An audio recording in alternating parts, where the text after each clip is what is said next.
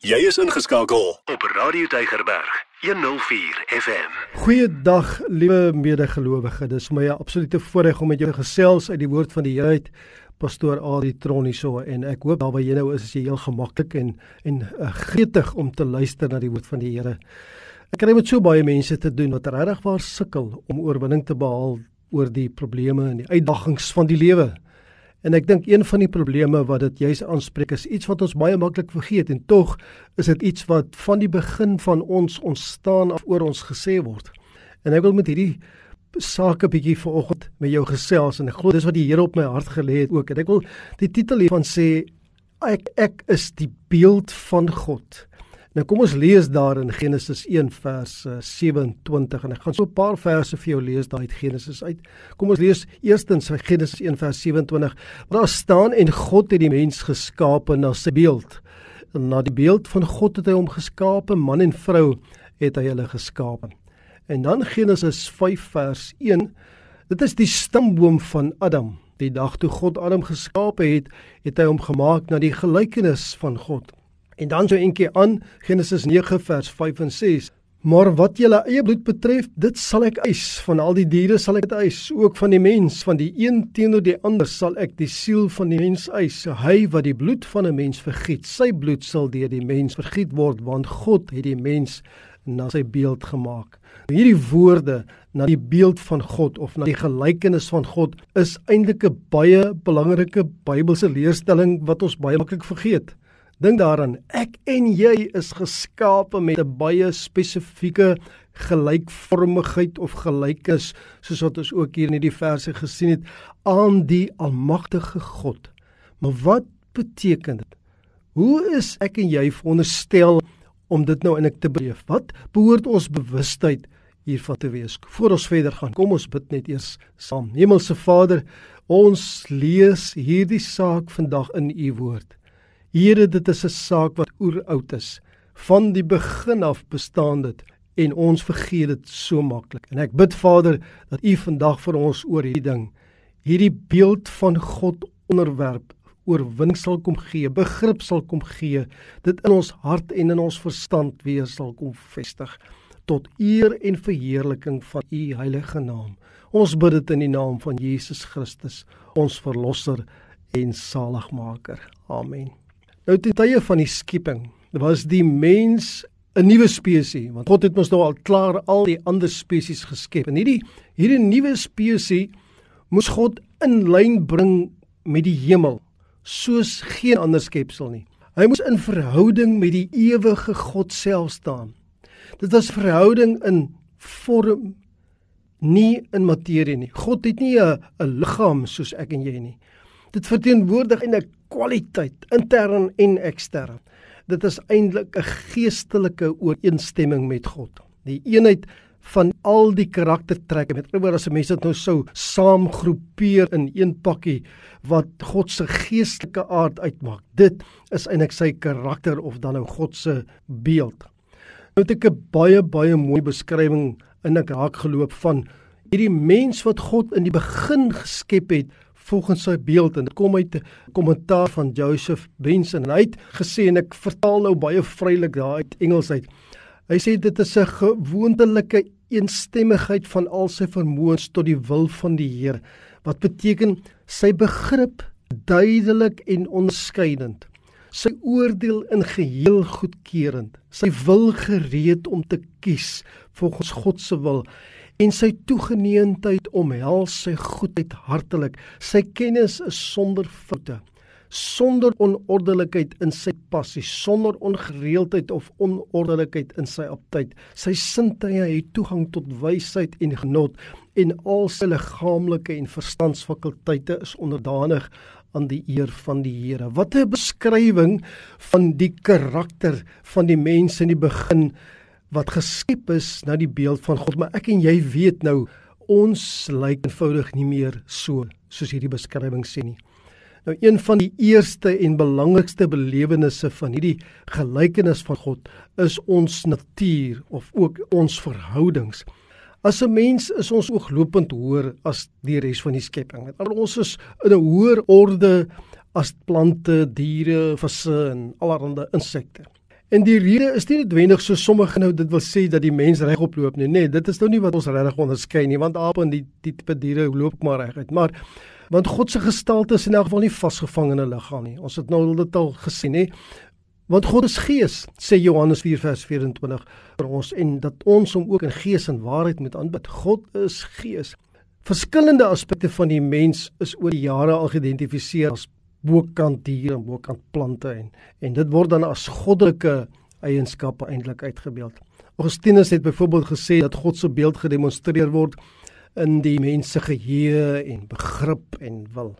En dit lyk asof dit eintlik 'n 'n beeld is dan vir God se trinitariese, met ander woorde God as drie eenheid, Vader, Seun en Heilige Gees as 'n mens kyk na hierdie die begrippe. Ander mense sal weer praat van selfbewustheid en persoonlikheid. Met ander woorde, ons weet dat dat diere het nie hierdie tipe van selfbewustheid en persoonlikheid nie. Ek weet daar's van die diereliefhebber wat heel waarskynlik van my gaan verskil. Hulle sê hierdie hond van my het 'n absolute persoonlikheid. Wel, ek kan nie anders as om met jou saam stem nie. Dit is so, maar dis presies waarvan ons praat hierson. Ek glo jy weet wat ons bedoel hier. Die mense het ook 'n gewete hy doen dis dinge op grond van morele besluitneming. Verder is die mens die wese op aarde wat in staat is om God te kan aanbid met geestelike bewustheid, soos ons hier in Prediker 3 vers 11 ook lees. En luister net mooi na hierdie woorde. Alles het hy en dit is nou met hoofletter geskryf God natuurlik mooi gemaak op sy tyd. Ook het hy die eeu, met ander woorde die ewigheid, die die volle tyd van bestaan in hulle hart gelê sonder dat die mens die werk wat God doen van begin tot eind kan uitvind. Dit is eenvoudig so. God se werk is so fenomenaal groot en wyd en diep. Ons kan nie alles uitvind nie. Die mense doel in hierdie skepping van God is dus om hom te aanbid en hom eintlik te geniet tot in ewigheid. Nou in Genesis 1 gaan daai vers wat ons net nou gelees het voort met die woorde man en vrou het hy hulle geskape. En dit wys eintlik dat op die gelykheid tussen man en vrou en soverre dit die beeld van God gaan albei volgens die beeld van God geskape. So saam met die spesifieke rolle wat die Bybel aan die man as die hoof van die gesin gee, en natuurlik sê dat vrou moet onderdanig wees aan die man en ook natuurlik in die rol wat die wat die wat die Here gee aan die man in die kerk en sy gesin, moet 'n mens nie aan die vrou dink as minderwaardig vir God nie. Nie net as God se beeld is individueel in die mens nie, maar ook gesamentlik in die man en in die vrou. Soos God self in 'n liefdevolle verhouding staan as 'n vader en Seun en Heilige Gees moet ons ook hierdie verhoudingsbeeld van God uitleef in gemeenskap van liefde met alle mense, nie net met gelowiges nie, maar met alle mense, met hulle wat naby aan ons is en hulle wat ons ook maar net so nou en dan raakloop in ons pad kruis, met wie ons nie noodwendig vriende is nie. Dan in die volgende plek is die mense is ook God se ambassadeur op die aarde. Het jy dit al besef? Weet jy dit? Weet jy dat jy God se ambassadeur op hierdie aarde is? As beelddraers van God is een direkte gevolg dat ons geroep is volgens 'n koninklike reël. Luister 'n bietjie weer na Genesis 1 vers 26. Miskien het jy dit baie lank klas gelees. En God het gesê, laat ons mense maak na ons beeld, na ons gelykenis en luister nou hierna. En laat hulle heers oor die visse van die see en die voëls van die hemel en die vee oor die hele aarde en oor al die diere wat die aarde kruip. Hierdie heerskappy beteken dat die mens heerskappy uitoefen namens die Skepper God. sien jy jouself nog elke dag as iemand wat autoriteit en gesag ontvang het by die Here om te kan regeer? Of het jy maar net iemand geword wat aan die onderspit van die samelewing sukkel en en sweet en soegend om 'n om bestaan te maak? Beteken ook dat ons moet heers volgens God se standaard. Hierdie standaard beteken dat dit uitgeoefen word deur die volle omvang van die lewe. Met ander woorde, oral waar ek en jy ons voete neersit, kan ons hierdie heerskappy oefen. God se heerskappy is nie die van 'n bespoot nie, dit is maar soos 'n liefdevolle ouer, die versorging van 'n sorgsame ouer. Dit is hoe die gesag en die heerskappy van die Here is. Dis dis die Here se wil dat sy versorging en ek sy seën en sy vrede versprei en hy gebruik vir jou en vir my om dit te doen. Dit beteken dus dat die bewaring van die natuur sowel as sosiale geregtigheid alles ingesluit word in hierdie heerskappy. Ons as mense behoort die Here se goedheid en genade as voorbeeld te neem. Om God se beeld uit te dra, moet ek dus goed doen op die aarde. Ek kan nie anders nie. Ek moet goed doen aan die skepping, ek moet goed doen aan mense rondom my, ek moet goed doen aan God. Ek moet ook goed wees teenoor myself en nie myself afransel myself diskrediteer nie want ek is die beeld van God daarom behoort ek dit nie te doen nie. Dan die volgende punt is die beeld van God is ook gemeenskap met God, koinonia, fellowship met God om naby aan God te wees. 'n Mens kan nie in 'n verhouding met iemand wees as jy nie mekaar ken nie. Jy weet dit nie. Jy kan nie in 'n verhouding met jou man, jou vrou of jou kinders staan en sê ek het 'n verhouding met hulle, maar jy weet niks van hulle nie. Ons skepping as 'n identiteit in gemeenskap met God is die belangrikste van alles wat hierdie lering van die beeld van God definieer. Kolossense 3 vers 10 reflekteer eintlik op die oorspronklike verse wat ons net al gelees het in Genesis 1 vers 26 en 27 en dit sê so en julle heel met die nuwe mens bekleed het wat vernuwe word tot kennis na die beeld van sy skepper. Hier word verwys na daai groot restaurasie in die Christelike redding in my en jou redding waar die nuwe self vernuwe word tot kennis van die beeld van sy Skepper en die ou mens agtergelaat word. En nou is die probleem dat ons dit nie altyd besef as dit sluit in ek is nou weer gerestoreer en besig om meer en meer gerestoreer te word na die beeld van God nie. Paulus bevestig dus dat om God te ken inherënt is tot die mens se skepping na God se beeld. Diere is onbewus van God. Hulle soek nie God nie, hulle aanbid nie, hulle maak nie. Maar die mens, ek en jy, ons is anders en ons ken God. Daarom kan ons ook lees in Romeine 1 vers 19 en vers 20 omdat wat van God geken kan word in hulle openbaar is want God het dit aan hulle openbaar want sy onsigbare dinge kan van die skepping van die wêreld af in sy werke verstaan en duidelik gesien word naamlik sy ewige krag en goddelikheid sodat hulle geen verontskuldiging het nie. Vriende, nie een mens op hierdie aarde, selfs die wat nog nie van Jesus Christus gehoor het nie, het eintlik 'n verskoning nie, want ons lees hier dat God het dit deel gemaak van ons DNA van die begin af weet hierdie liggaam, hierdie wese, hierdie gees, hierdie siel weet, maar ek is na die beeld van God geskape selfs al het ek nog nooit die teoretiese en Bybelse kennis daarvan eintlik ontvang nie. En dit verduidelik ook Jesus se woorde in Johannes 17 vers 3. En dit is die ewige lewe dat hulle U ken, die enige waaragtige God en Jesus Christus wat U gestuur het. En nou moet ek en jy verstaan dat die Bybelse idee van kennis is meer as maar net inligting. Dit is so ek ek lees maar net 'n boek oor iemand nie maar dit gaan saam met om om vriendskap te hê, om saam te wees, om 'n noue, intieme verhouding met iemand te hê. Ons sien dit in die onderskeid wat die Here gemaak het in die uitspreek van sy seun oor die natuur aan die een kant, die die diere en die plante en insekte en al daai dinge, en dan aan die ander kant oor die mens. Dit dit lyk asof dit dieselfde seun is, Maar luister mooi na die na die na die verskil tussen die twee. Nou in Genesis 1:22 lees ons die seën wat God oor die natuur uitgespreek het en God het hulle geseën en gesê wees vrugbaar en vermeerder en vul die waters in die see en laat die voëls op die aarde vermeerder. En dan in die ooreenstemmende seën vir die mens in vers 28 sê God die volgende en God het hulle geseën en God het vir hulle gesê God praat direk met die mens en hy sê wees vrugbaar en vermeerder en vul die aarde onderwerp dit en heers oor die visse van die see en die voëls van die hemel en oor al die diere wat op die aarde kruip. In hierdie gedeelte sien ons dat God persoonlik met Adam en Eva praat. Dit wek hierdie gevoel van geloof en van van liefde. Dit wek die gevoel van God glo in die mens wat hy geskep het en die mens kan glo in sy Skepper. Met ander woorde, mense kan eintlik sê God het hierdie vertroue gekom plaas van die begin af toe hy die mens geskep het, toe hy die mens heerskappy gegee het, toe hy die mens geskep het as as 'n wese bokant enige iets anders wat God geskep het. 'n Ander 'n Nuwe Testamentiese skrif voeg die woorde geregtigheid en heiligheid by die beeld van God. Met ander woorde ons lees in Efesiërs 4:24: "Julle met die nuwe mens moet bekleë wat na God geskaap is in ware geregtigheid en heiligheid." As gelowiges is ons dus geskep na die beeld van God in ware geregtigheid en heiligheid. En so saam met die kennis van God behels die beeld van God dus dat om voor die Here te leef in geregtigheid en heiligheid, om eenvoudig reg te leef volgens die wil van die Here. Die doel bly vir ewig om in 'n liefdevolle verhouding met ons Skepper te leef. En dit verklaar in die begin van die Bybel en aan die einde van die Bybel hierdie verhouding wat ons het met ons Here, ons Skepper. As erfgename met Jesus Christus erf ons eintlik God self as geskenk.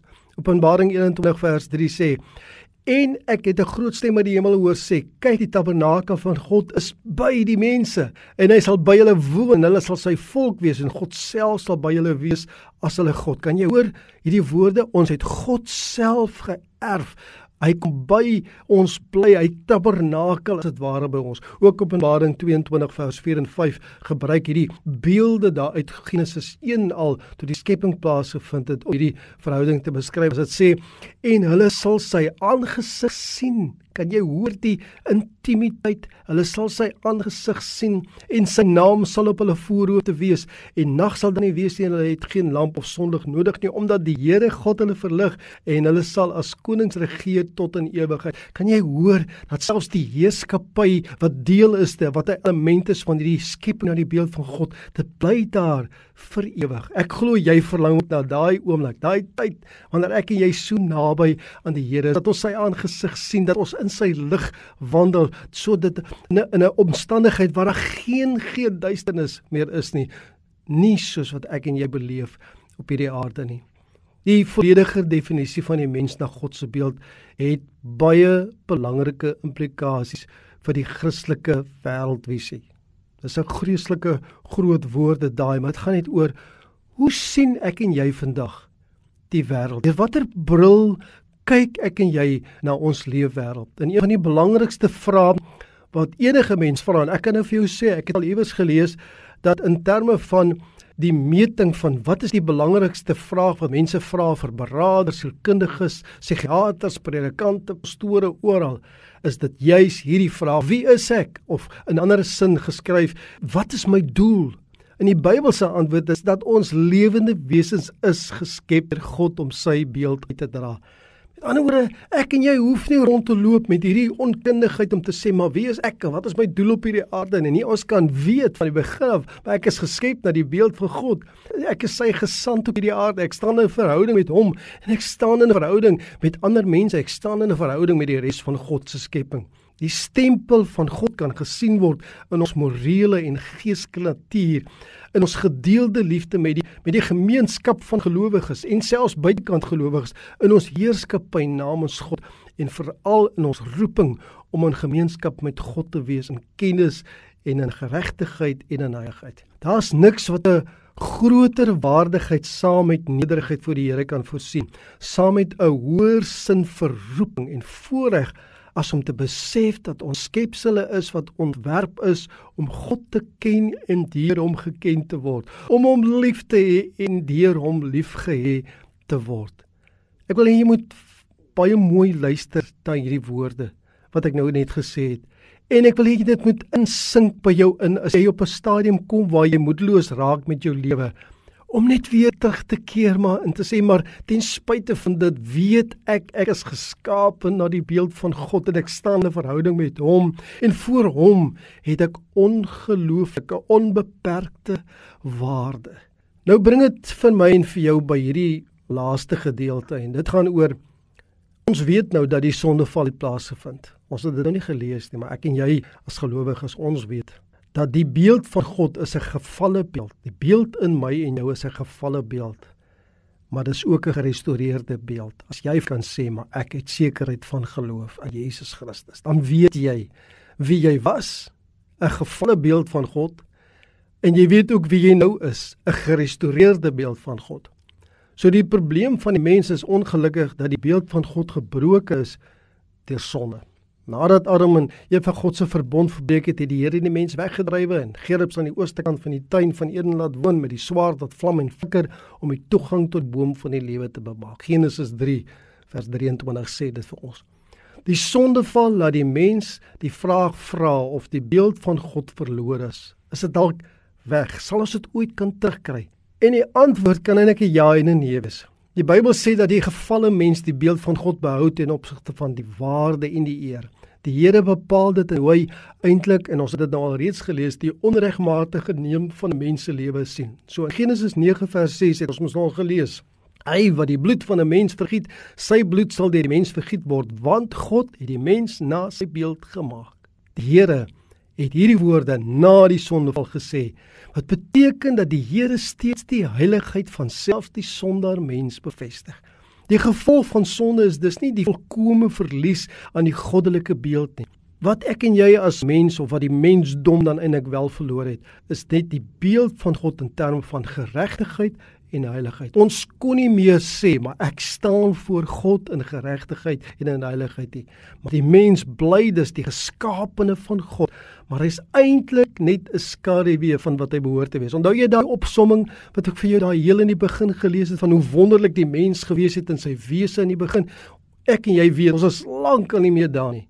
Maar ek wil vir jou sê vandag dat in Jesus Christus word dit alles gerestoreer. Nou dit is daar 'n baie interessante beeld wat eh, 'n uh, man met die naam Richard Phillips gegee het en ek het nogal baie van sy inligting gebruik ook in hierdie boodskap.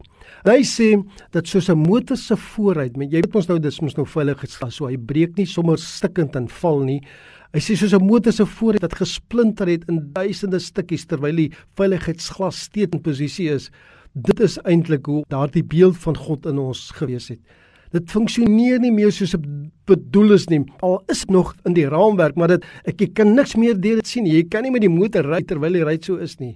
So nou moet ek en jy vra vandag, kan hierdie beeld van God geregistreer word? En as dit kan gebeur, wie sal die historieerder wees? En ek kan nou hoor jy het sommer klaar die antwoord terwyl jy na luister. En natuurlik is dit so die antwoord in die Hebreë Bybel is die evangelie of die goeie nuus van Jesus Christus, die seun van God. Die mense te hoop ten spyte van die sonde en hierdie hoop is in die genade van God deur Jesus Christus. Deur hom wat die oorspronklike doel van die skepping vervul. Hy restoreer ons tot geregtigheid. Hy het dit gedoen deur sy eie lewe te gee as 'n offer aan die kruis tot vergifnis van almal se sondes. Romeine 3 vers 23 en 24 sê want almal het gesondig en dit ontbreek hulle aan die heiligheid van God en hulle word deur sy genade sonder verdienste geregverdig deur die verlossing wat in Christus Jesus is. Ook Romeine 3 vers 25 en 26 gaan aan en sê hom het God voorgestel in sy bloed as 'n versoening deur die geloof om sy geregtigheid te bewys deurdat hy die sondes ongestraf laat bly wat tevore gedoen is onder die verdraagsaamheid van God om sy geregtigheid te toon in die teenwoordige tyd sodat hy self regverdig kan wees en regverdig maak wie hy uit die geloof in Jesus is. Christus het nie net ons verhouding tot God gerestoreer restoreer nie, maar ook God se beeld in ons geherstel deur heiligmaking. Ons erken dus die taal in Genesis 1:27 ook in die Nuwe Testament. As ons in Efesiërs 4 vers 23 en 24 hierdie woorde lees en dat jy vernuwe moet word in die gees van jou gemoed met ander woorde hier in jou verstand en jy moet die nuwe mens moet bekleed wat aan God geskape is in ware geregtigheid en heiligheid Deur die genade van Christus en die krag van die Heilige Gees wat hy gestuur het, word ek en jy word die mens wat dit aanvaar weergebore om te lewe en te leef en God te vereer, gerestoreer in geregtigheid en heiligheid. Nou wil ek afsluit met hierdie vers van ons broeder Paulus. 2 Korintiërs 3 vers 18 En terwyl ons almal met onbedekte gesig soos in 'n spieël die heerlikheid van die Here aanskou word ons van gedaante verander na dieselfde beeld van heerlikheid tot heerlikheid as deur die Here wat die Gees is. Amen. Kom ons bid saam. Hemelse Vader Ek wil U loof en prys vandag. Ons wil U loof en prys dat U ons geskep het na U beeld. Maar ons wil ook vra Here vergewe ons as ons dit ignoreer. As ons deur hierdie lewe strompel, Here, soos mense wat geen begin in U gehad het nie. As ons deur hierdie lewe stap en probeer om probleme uit te sorteer en te ontleed, Here, op 'n manier wat U heeltemal uitlaat. Here, ons kan selfs bid tot U en vra dat U ons help, maar ons vergeet maar wat die basis waaruit ek dit kan bid is dat ek geskape is na U beeld. En ek dank U Here dat U woord nog nooit verander het nie. U het dit opgeteken en dit staan en dit is geldig en dit word dwars deur die Bybel bevestig. Ons is geskape na U beeld. En ek dank U vanoggend. Here, as gelowiges kom sê ons vir U dankie dat U U seun gebruik het gesterf het aan die kruis om ons te restoreer tot geregtigheid en heiligheid. Here ons weet hierdie is, is steeds aan die gang. Ons heiligheid groei steeds elke dag soos wat ons meer en meer gehoorsaam raak aan U. En ons dank U daarvoor. Here help ons om nie moed te verloor nie. Ek bid vir elkeen wat nou luister, Here wat op 'n plek is waar hulle sê maar ek kan net meer nie. Ek bid Vader, bevestig vandag weer, jy is kosbaar in die oë van die Here. Jy is geskaap volgens die beeld van die lewende God en daarom hoef jy nie moedeloos te wees nie. Daarom hoef jy nie moed te verloor nie. Daarom kan jy opstaan en jy kan heers want jy is 'n skepsel van God. Jy dra die beeld van God. Dankie Here vir die voorreg. Dankie dat U ons so vertrou. Dankie vir die geloof wat ons in U mag hê en die geloof wat U in ons het. Ons bid dit in Jesus wonderlike naam. Amen. Elke dag jou nommer 1 keuse. Radio Deugerberg 104 FM.